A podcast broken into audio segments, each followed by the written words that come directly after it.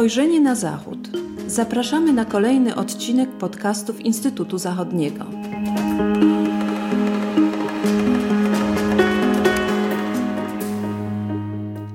Dzień dobry, nazywam się Sebastian Wojciechowski. Witam Państwa serdecznie w kolejnym odcinku podcastu Instytutu Zachodniego. Jest on poświęcony zagrożeniu terrorystycznemu występującemu obecnie na świecie ze szczególnym uwzględnieniem problemu terroryzmu islamskiego. Wydaje mi się, że dobrą okazją do poruszenia tego zagadnienia jest obchodzony kilkanaście dni temu element rocznicowy związany z 20. rocznicą ataków z 11 września 2001 roku. I w tym właśnie kontekście naszym dzisiejszym gościem jest pan profesor Artur Wejkszner z Wydziału Nauk Politycznych Dziennikarstwa UAM. Wybitny znawca problematyki terroryzmu, autor licznych książek dotyczących tego zagadnienia, w tym innymi takich pozycji jak globalna sieć Al-Kaidy, samotne wilki kalifatu, czy państwo islamskie, narodziny nowego kalifatu. Dzień dobry panie profesorze, dzień dobry Arturze. Witam serdecznie, dzień dobry. Moje pierwsze pytanie dotyczy właśnie wspomnianego przed chwilą tak zwanego państwa islamskiego. Jeszcze niedawno przecież najsilniejszej, najbogatszej i najbardziej niebezpiecznej struktury terrorystycznej, e, która, przypomnę, w szczytowym okresie swojej świetności miała tysiące bojowników oraz dysponowała budżetem szacowanym na kwotę od 2 do 4 miliardów dolarów rocznie. No właśnie. I tutaj nasuwa się pytanie, co dalej z państwem islamskim, a w szczególności co dalej z jego działalnością na Bliskim Wschodzie? Co dalej z państwem islamskim w Afganistanie pod rządami talibów? Czego możemy, panie profesorze, się spodziewać?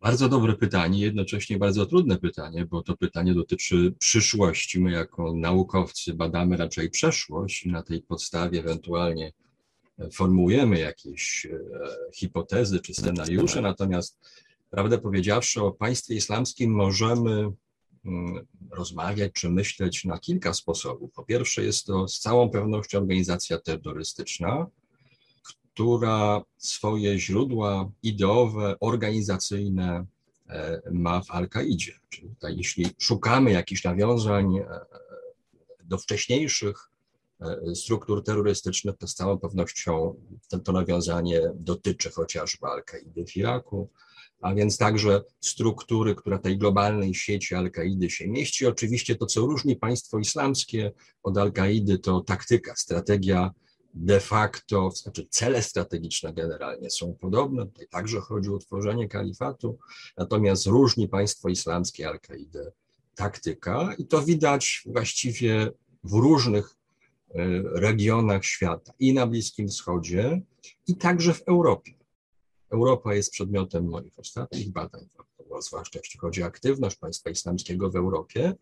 Natomiast w przypadku Bliskiego Wschodu, to ta różnica w taktyce jest widoczna, także i w szczególności, o czym pan profesor mówił, e, w przypadku Afganistanu. Zresztą ostatnie wydarzenia, te, które dotyczą e, zwycięstwa talibów, E, i ataku terrorystycznego na lotnisko w Kabulu, które przeprowadziła prowincja Chorasan państwa islamskiego, to właśnie jest emanacją tej różnicy w taktyce, jeśli chodzi o walkę o cele, cele strategiczne.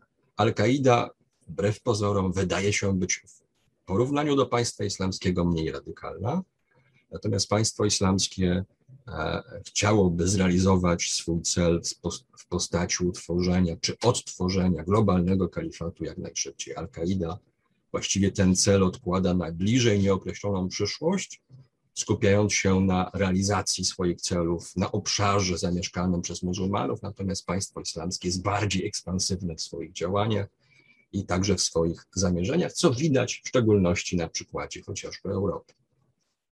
A więc jeśli analizujemy aktywność państwa islamskiego w różnych częściach świata, no tutaj mamy na uwadze takie symboliczne, tak zwane prowincje kalifatu, czy prowincje państwa islamskiego. No de facto de facto ta deklaracja utworzenia kalifatu była raczej wydarzeniem symbolicznym niż faktycznym, no bo większość prowincji właśnie państwa islamskiego nie, znajdu, nie znajdowała się nigdy pod pełną kontrolą tej struktury, ale to jest organizacja terrorystyczna z jednej strony i po drugie jest to z całą pewnością organizacja przestępcza i po trzecie moglibyśmy wreszcie powiedzieć, że jest to protopaństwo, czy było to przez pewien czas protopaństwo. Myślę, że także e, w tym kontekście protopaństwa możemy o przyszłości państwa islamskiego myśleć, no bo tam, gdzie znajdować się będą słabe reżimy, czy państwa upadłe, tam kontekście ewentualnej kontroli państwa islamskiego można myśleć o utworzeniu prowincji, czy o tworzeniu przynajmniej części kalifatu. A prowincja Chorasan to jest nawiązanie do historycznych konotacji i siłą rzeczy mamy tutaj na uwadze Azję Środkową czy Azję Południową, a, więc te czasy, kiedy ten kalifat, historyczny kalifat e, rozciągał się właśnie na te regiony świata. Zatem jeśli chodzi o przyszłość Afganistanu w kontekście działalności państwa islamskiego, to będziemy obserwowali jak się wydaje, rywalizację pomiędzy reżimem talibów, który jest oskarżany przez państwo islamskie o prowincję Chorasan, państwa islamskiego, o prozachodnie, prozachodnie konotacje, no, nawet o spisek z, ze Stanami Zjednoczonymi, e, a więc jest to nie do zaakceptowania, jeśli chodzi o bojowników państwa islamskiego, którzy także w pewnej części pochodzą, e, pochodzą z Iraku i Syrii, z Uzbekistanu także, ewentualnie jeszcze z innych regionów świata. To i także mamy do czynienia z fenomenem tak zwanych zagranicznych bojowników państwa islamskiego, a więc tą zewnętrzną tkanką społeczną, która niekoniecznie w 100% będzie zainteresowana mm, spoistością pewnych celów czy społecznej jedno, jednorodności, jeśli chodzi o miejsce, w których ta, ta, ta aktywność jest podejmowana. Zatem, e, jeśli chodzi o przyszłość Afganistanu, no to wydaje się, że ta rywalizacja jest nie do uniknięcia. Mam nadzieję, e, że no nie będzie tutaj, czyli będziemy mieli do czynienia z e, dużą liczbą ataków terrorystycznych czy aktywnością quasi partyzancką w przypadku bojowników państwa islamskiego, ale jest to nie do uniknięcia. Pytanie tylko o skalę, jak się wydaje. W każdym bądź razie bojowników państwa islamskiego czy terrorystów państwa islamskiego jest zdecydowanie mniej, jak pan profesor zauważył, niż jeszcze 5-6 lat temu. Mniej więcej według statystyk o nawet 80% mniej, no ale to oznacza tylko tyle, że jakaś część E, tych bojowników albo została fizycznie wyeliminowana, albo e, nie jest po prostu w tej chwili aktywna. Myślę, że tak jest także w przypadku Europy, gdzie e, potencjalni terroryści państwa islamskiego mogą w każdej chwili się uaktywnić i przeprowadzić konkretne akcje terrorystyczne. Podobnie jest w innych częściach świata. Myślę, że także w Afganistanie. No wszystko zależy od pewnej spoistości działań propagandowych i działalności operacyjnej. Rozumiem. Przejdźmy zatem, jeśli można, od przyszłości Afganistanu w ogóle do przyszłości terroryzmu. No wiemy, że jest to zagrożenie ponadczasowe, wiemy, że jest to jedno z największych wyzwań dla bezpieczeństwa, tak wewnętrznego, jak i międzynarodowego. Świadczy o tym chociażby fakt, że tylko w ciągu ostatnich 20 lat odnotowano ponad 130 tysięcy ataków terrorystycznych, czyli statystycznie około 20 ma miejsce każdego kolejnego dnia. I teraz pytanie, jak w tym kontekście oceniasz ewolucję zagrożenia terrorystycznego? No i czego można spodziewać się w przyszłości? Czyli jaka przyszłość terroryzmu przed nami? Czego możemy się spodziewać? Kolejne bardzo dobre pytanie, niezmiernie trudne, no bo tutaj znowuż y, powinniśmy pewno odnieść się do konkretnych trendów, które obserwujemy. Mamy do czynienia z ewolucją terroryzmu w kontekście chociażby motywacji. O tym już chociażby mm, mówił taki Rapoport w swojej hipotezie. I siłą rzeczy wydaje się, istotne wskazanie, iż obecnie ta fala terroryzmu religijnego jeszcze się nie zakończyła, czyli wydaje się, że w najbliższej przyszłości możemy mieć do czynienia z kolejnymi działaniami terrorystów, jeśli chodzi o tą motywację religijną. No ale terroryzm towarzyszy nam, e, byśmy powiedzieli, od kołyski Abinku Nabilis, zatem mamy do czynienia z e, pewną formą walki politycznej, która niestety nas nie opuści. Ta taktyka jest taktyką e, podejmowaną przez słabe w sensie potencjału grupy społeczne, które mają swoje cele polityczne i dopóty, dopóki będzie chęć realizacji tychże celów za wszelką cenę, działalność terrorystyczna e, nie tylko motywowana religijnie będzie podejmowana w różnych częściach świata, ale to także, jeśli mówimy o ewolucji, ewolucja metod działalności. Myślę, że w najbliższych latach, ale na pewno dekadach będziemy obserwowali przechodzenie tej aktywności terrorystycznej ze świata realnego do wirtualnego, czyli Myślę, że to, o czym już wielokrotnie słyszeliśmy, a więc zjawisko cyberterroryzmu będzie dla nas coraz częstszym zjawiskiem, być może coraz groźniejszym, dlatego że tutaj mamy do czynienia z coraz większym uzależnieniem także naszego życia od e, tej sfery wirtualnej, zatem ataki w przestrzeni wirtualnej będą dla nas coraz bardziej dotkliwsze z roku na rok czy z dekady na dekadę. Więc także metody walki się zmieniają i terroryści, także w przypadku państwa islamskiego jest to widoczne, dostosowują te metody walki do aktualnych potrzeb i możliwości. I jeszcze trzecie zagrożenie, które dla mnie jest widoczne, to także ma związek z ewolucją terroryzmu, to jest potencjalne użycie broni masowego rażenia, zwłaszcza broni biologicznej. Myślę, że w kontekście aktualnej pandemii widać, jak groźne może to być zjawisko w kontekście potencjalnego ataku bioterrorystycznego. Ale to już jest, e, myślę, że temat na zupełnie inną dyskusję związaną z ewolucją terroryzmu. W każdym razie konkludując, to zjawisko niestety będzie nam towarzyszyło w najbliższych latach i dekadach. Takie, takie mam wrażenie. Rozumiem, dziękuję. Uwypukliłeś te najważniejsze trendy. Ja jednak chciałbym jeszcze wrócić do wątku tak zwanej geopolityki terroryzmu. W chwili obecnej epicentrum terrorystycznej aktywności dotyczy głównie czterech regionów, czyli Azji Zachodniej, Azji Południowej, Afryki Subsaharyjskiej, no oczywiście Bliskiego Wschodu. Chciałbym jednak, żebyśmy przez chwilę porozmawiali o zagrożeniu terrorystycznym w Unii Europejskiej i tutaj uwzględnili moim zdaniem dwie ważne przesłanki, czyli po pierwsze podkreślenie, że Unia Europejska ze względu na swoje znaczenie polityczne, gospodarcze, medialne, ale także występujące różnice, chociażby te religijne, etniczne, była, jest i będzie ważnym celem ataków.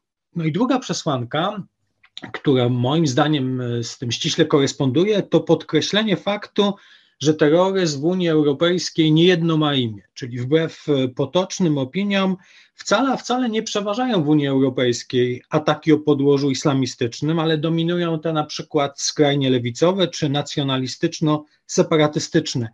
Chciałbym jednak nawiązać do wątku zagrożenia islamistycznego w Unii Europejskiej. Czego możemy, Twoim zdaniem, spodziewać się w przyszłości? Renesansu, eskalacji, wyciszenia? Który trend, Twoim zdaniem, będzie dominować? Unia Europejska mm, e, jest organizacją międzynarodową skupiającą e, kilkadziesiąt państw w istocie, zatem mamy do czynienia z bardzo dużą różnorodnością wewnętrzną. Tutaj można wieloaspektowo oczywiście na tą różnorodność patrzeć, ale ja patrzę poprzez pryzmat pewnych zmiennych, które mają wpływ na budowę sieci terrorystycznych e, w Unii Europejskiej, czy generalnie w Europie. I e, w jednej z ostatnich moich prac wyróżniłem kilka, czy, czy zwróciłem uwagę na kilka zmiennych, które, które tutaj należy brać pod uwagę zwłaszcza jeśli chodzi o państwo islamskie. Tutaj mamy na uwadze przede wszystkim e, skorzystanie przez państwo islamskie ze wcześniej istniejących struktur terrorystycznych związanych chociażby z działalnością Al-Kaidy. Poza tym niezmiernie ważne jest e, wskazanie, iż no, przynajmniej część terrorystów, na przykład biorących udział w e, tym spektakularnym zamachu chociażby w Paryżu, przybyła do Europy w wyniku otwarcia na procesy migracyjne, czyli otwartość państwa na te procesy, y, chyba to nas nie dziwi, wiąże się ze zwiększeniem zagrożenia terrorystycznego. Oczywiście nie tylko dlatego, że przecież liczy się także liczebność diaspory muzułmańskiej, no i siłą rzeczy radykalizacja tejże diaspora, więc te państwa Unii Europejskiej, których ta diaspora jest większa, których te grupy radykalne są liczne, no oczywiście te państwa są w szczególności narażone na przeprowadzenie ataków terrorystycznych. Oczywiście z radykalizacją wiąże się także chociażby brak asymilacji tych, zwłaszcza młodych osób, które szukają tożsamości, tożsamości religijnej, ale także siłą rzeczy walczą z systemem kapitalistycznym, który ich, ich aspiracji wydaje się nie e, spełniać. Oczywiście na to nakłada się propaganda dżihadystyczna i brak efektywności, z czego emanacją są chociażby działania policji czy służb, służb niemieckich, policji w Niemczech w kontekście e,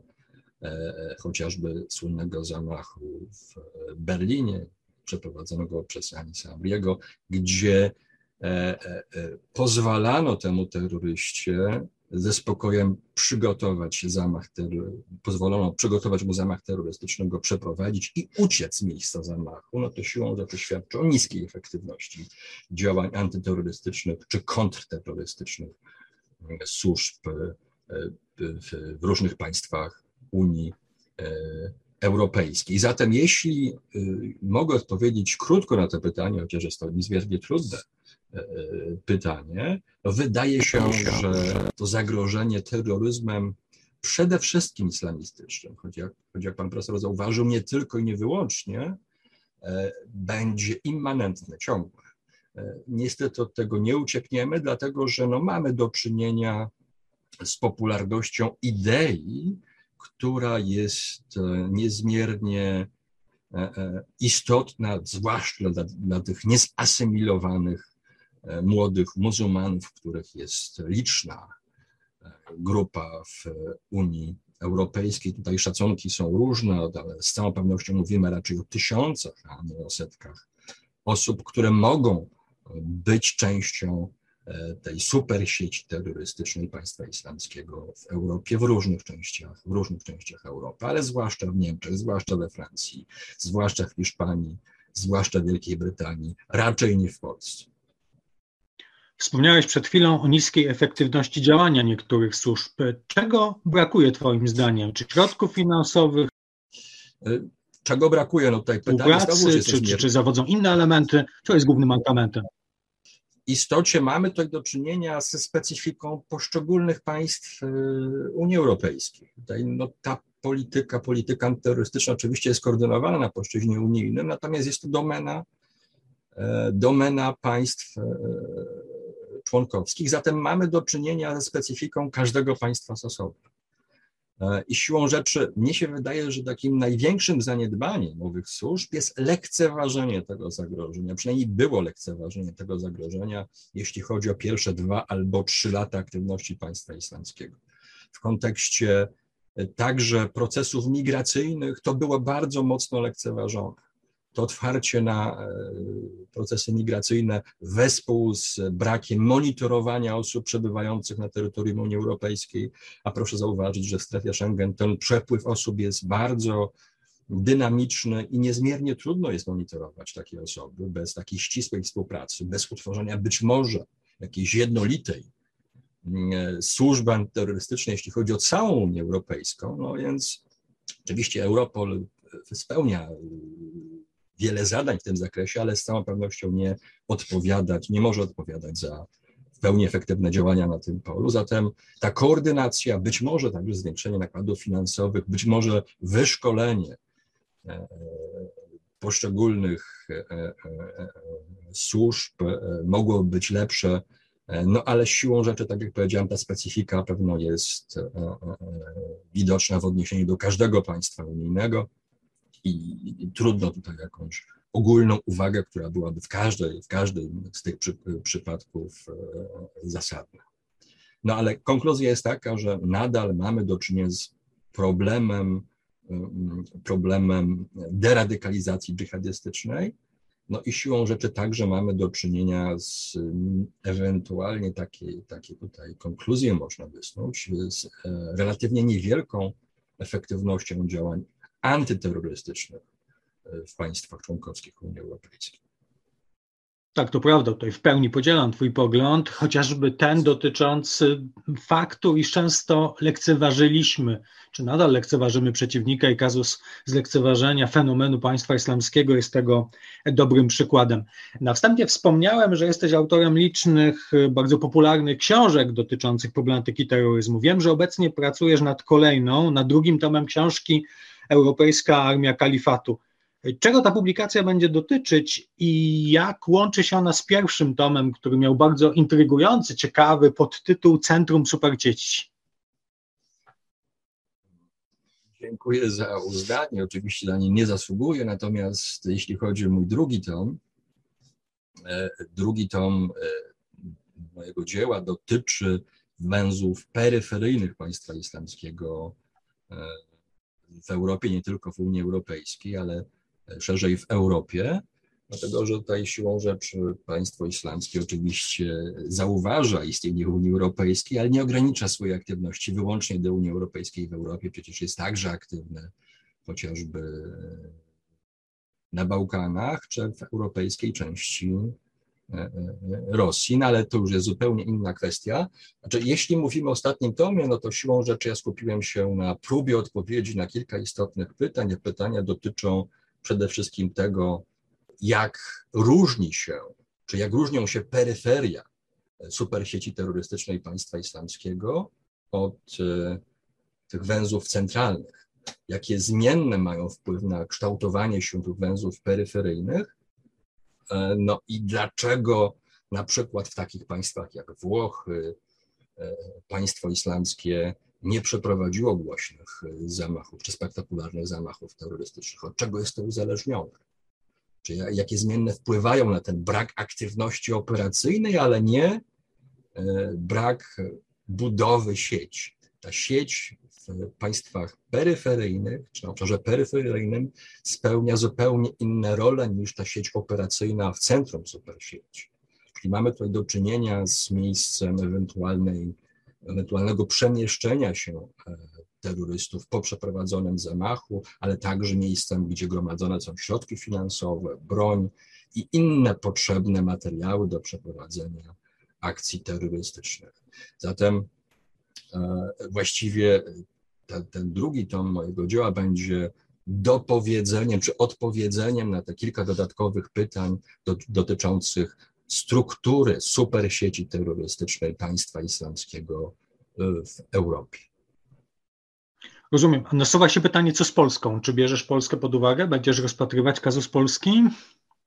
E, nie w sensie szczegółowym, no bo tutaj trudno e, mieć na uwadze aktywne struktury państwa islamskiego w Polsce, na szczęście, jak się wydaje. No, ma na to wpływ szereg zmiennych, o których po części już mówiliśmy, no przede wszystkim diaspora muzułmańska w Polsce jest asymilowana i nie mamy na razie przynajmniej do czynienia z otwarciem na ruchy migracyjne, zatem te podstawowe zmienne, które wpływają na budowę supersieci państwa islamskiego w innych państwach europejskich w Polsce nie występują, no ale skoro jesteśmy w strefie Schengen, to przemieszczanie się terrorystów na tym obszarze no jest możliwe i także ewentualne zamachy terrorystyczne państwa islamskiego w Polsce są możliwe, aczkolwiek mało prawdopodobne, no, bo dla, dla bojowników czy terrorystów państwa islamskiego ważne są także symboliczne cele polityczne. Jeśli mówimy o wyborze miejsc ataku, no to e, tutaj kilka motywów oczywiście e, może być brana pod uwagę. Z jednej strony jest to zemsta za działania poszczególnych państw na obszarze Bliskiego Wschodu przeciwko państwu islamskiemu. No z drugiej strony oczywiście jest to chęć wywarcia presji politycznej na społeczeństwach i władzach poszczególnych państw. Polska na szczęście wydaje się być peryfer, peryferyjna, jeśli chodzi o zainteresowania polityczne państwa islamskiego, co w jakiejś mierze chroni nas przez taką bezpośrednią aktywnością operacyjną tejże organizacji. Chociaż z drugiej strony, biorąc pod uwagę nasze byłe zaangażowanie w Iraku czy w Afganistanie, fakt stacjonowania żołnierzy amerykańskich, wydaje mi się, że Polska jest coraz bardziej na celowniku i w kręgu zainteresowania potencjalnych sprawców ataków.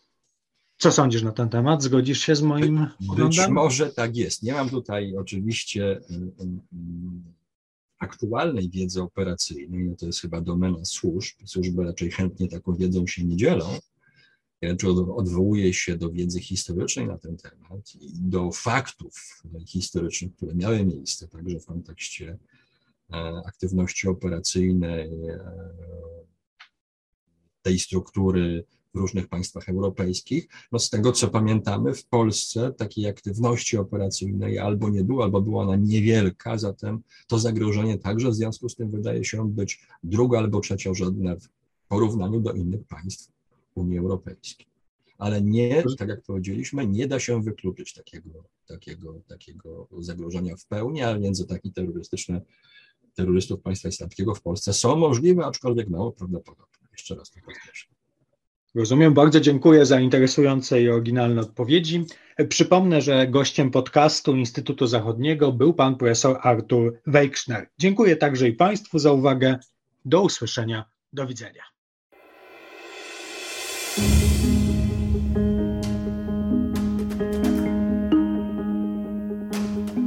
Spojrzenie na Zachód. Podcasty Instytutu Zachodniego.